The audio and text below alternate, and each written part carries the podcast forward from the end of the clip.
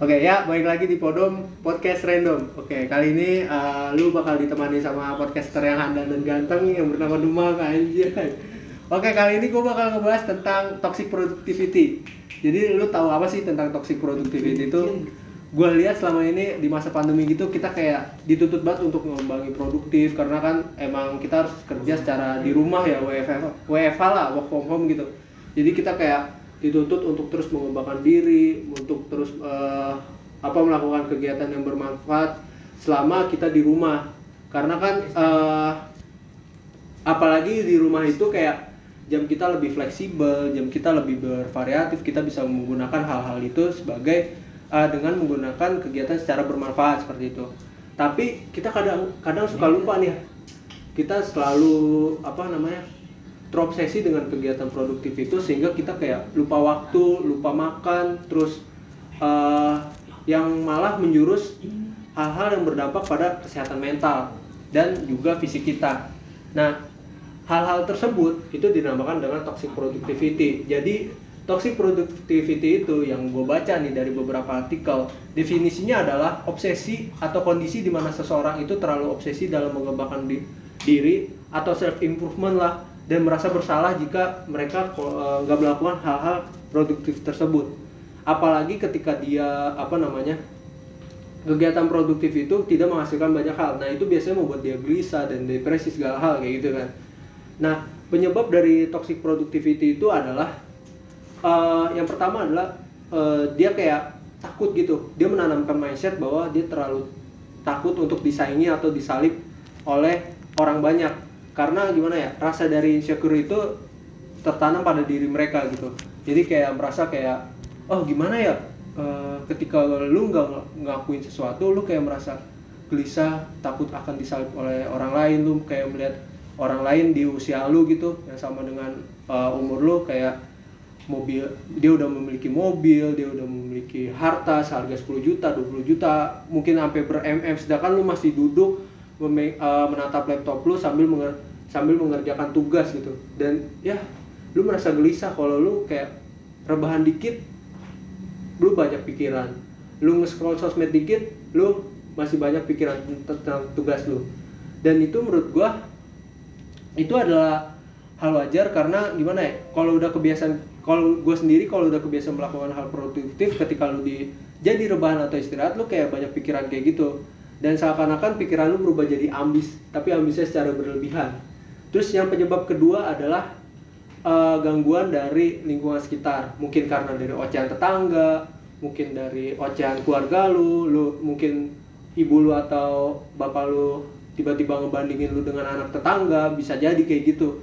Dan lu kayak lu langsung apa namanya ujung-ujungnya ya stres lagi lu dibanding-bandingin kan sama anak tetangga apalagi adik lu sendiri dan itu ya ya menurut gua bakal berujung-ujungnya kesehatan mental lu juga.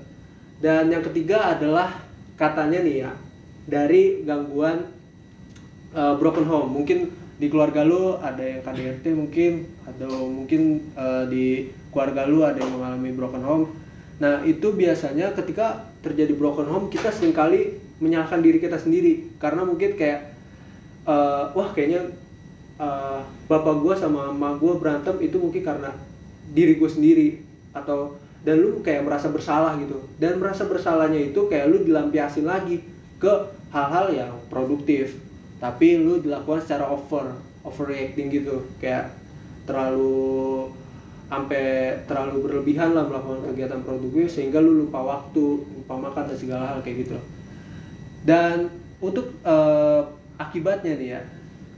Akibatnya dari toxic productivity itu adalah yang pertama mungkin kesehatan fisik lu yang terganggu. Karena gimana ya ketika uh, lu merasa nggak sih ketika lu depresi atau gelisah kayak gitu tiba-tiba badan lu menjadi pegel atau meriang kayak gitu-gitu. Nah uh, ke, ke dari kesehatan mental lu bakal menjurus ke kesehatan fisik lu. Jadi toxic productivity itu benar-benar ya ibarat kata berba cukup berbahaya juga sih. Walaupun ya dilakukan walaupun ya ujung-ujungnya bermanfaat sih buat uh, menghasilkan banyak hal. Tapi kan kalau dilakukan secara berlebihan juga tidak baik gitu. Terus yang kedua adalah lu burn out tahu burn out gak? jadi burnout itu kayak lu merasa lelah gitu. Kayak lu ngelakuin apa-apa jadi lelah. Lu kayak lelah lelahnya tapi enggak lelah biasa tapi kayak lelah secara berlebihan gitu karena lu melakukan secara multitasking mungkin lu melakukan secara banyak hal walaupun itu kegiatan bermanfaat tapi kan lu harus mikirin kesehatan fisik lu juga sama mental lu juga. Terus yang ketiga adalah hubungan sosial lu terganggu. Kenapa hubungan sosial lu terganggu? Ya gitu karena lu nyaman dengan kegiatan produktif lu sehingga lu tidak bisa nongkrong atau lu mungkin tidak bisa bersosialisasi dengan keluarga atau teman-teman sebaya lu. Jadinya ya lu mungkin udah dijauhin terus lu stres juga lu burnout juga. Waduh itu udah agak parah banget sih. Terus yang keempat adalah lu secara eh lu secara tidak langsung kayak lu menanamkan harapan yang tak masuk akal gitu. Kayak lu baru berproses gitu ya lu tiba-tiba berharap ingin punya duit 100 juta gitu. Padahal lu baru mulai gitu loh. Kejadian nggak sepraktis itu lu nggak praktis itu juga gitu cobalah lu menetapkan target dulu gitu loh. Kayak uh, mungkin lo harapan lu kecil dulu lah baru yang besar kayak gitu.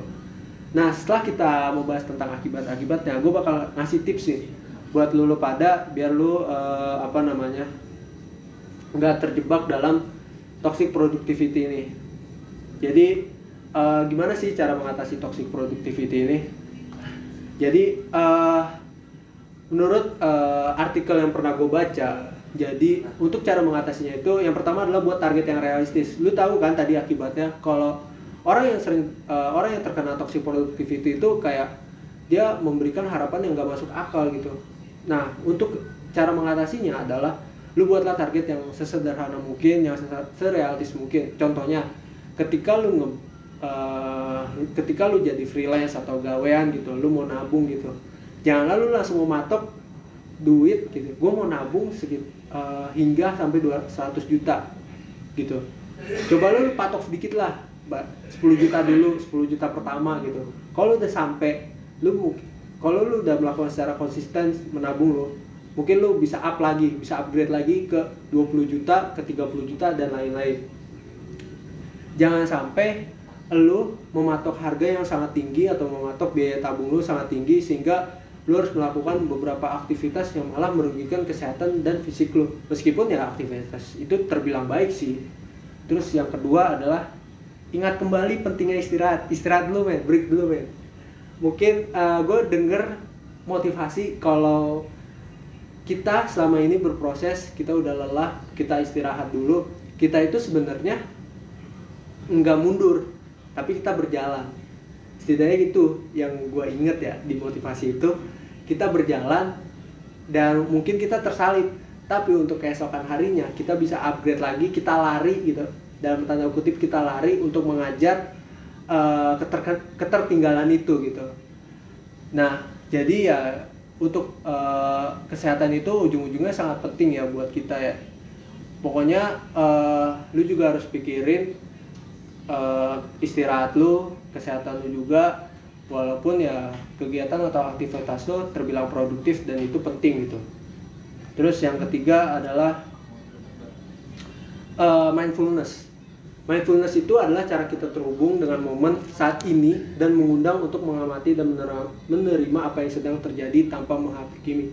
Jadinya intinya jadinya tuh uh, secara sederhananya mindfulness itu adalah kesadaran kita untuk mengetahui kebutuhan dan keinginan tubuh kita sendiri kalau kita merasa capek ya udah istirahat. Kalau kita merasa udah fit ya udah kita kerja lagi gitu. Dengan kemampuan ini kita apa ya bisa meningkatkan kecerdasan uh, intrapersonal pada diri dalam kita sendiri gitu. Dan mungkin bisa meningkatkan kemampuan berpikir kritis pada otak kita gitu.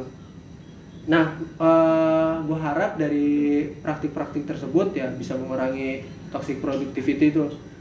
Dan terakhir nih misalkan kalau lu udah udah uh, kak gue udah buat udah nerapi tiga hal ini tapi nggak bisa bisa. Nah yang terakhir mungkin cara ini bisa oke okay ya. Eh, yang keempat adalah minta pengawasan mungkin entah bokap lu atau nyokap lu atau teman-teman lu.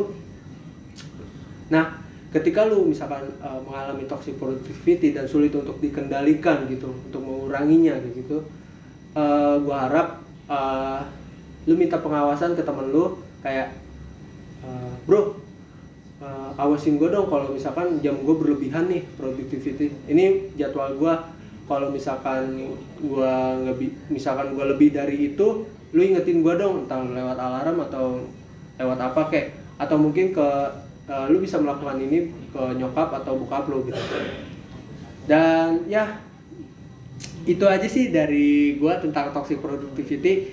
Intinya kalau lu setiap bekerja jangan terlalu berlebihan banget lah walaupun ya kegiatan itu ya sangat penting tapi kan lu harus mikirin kesehatan juga gitu. Lu harus mikirin uh, badan lu juga. Kalau lu encok juga kalau lu sakit juga kan kegiatan lu ujung-ujungnya tertinggal juga kan. Lu akhirnya jatuh juga kan di perjalanan lu. Setidaknya kalau lu istirahat itu namanya berjalan men. Berjalan tapi ketika lu udah besoknya lu upgrade diri lu langsung lari cepat gitu. Karena dengan istirahat lu bisa mengembalikan energi tubuh lu menjadi lebih fit lagi gitu. Oke sih dari gua sekian dari podcast ini yang sangat random banget. Semoga lu suka dengan konten-konten kita tidak hanya membahas secara random tapi kita juga membahas secara hal-hal bermanfaat dan edukasi buat lo semua. Gua harap uh, lu bisa nerapin ini nggak cuma dengerin doang tapi lu bisa ngamalin ini di dunia lu dan dunia sekitar lu sekian dari Demang sebagai podcaster random. Terima kasih. Ya balik lagi. See you to the next content. Bye bye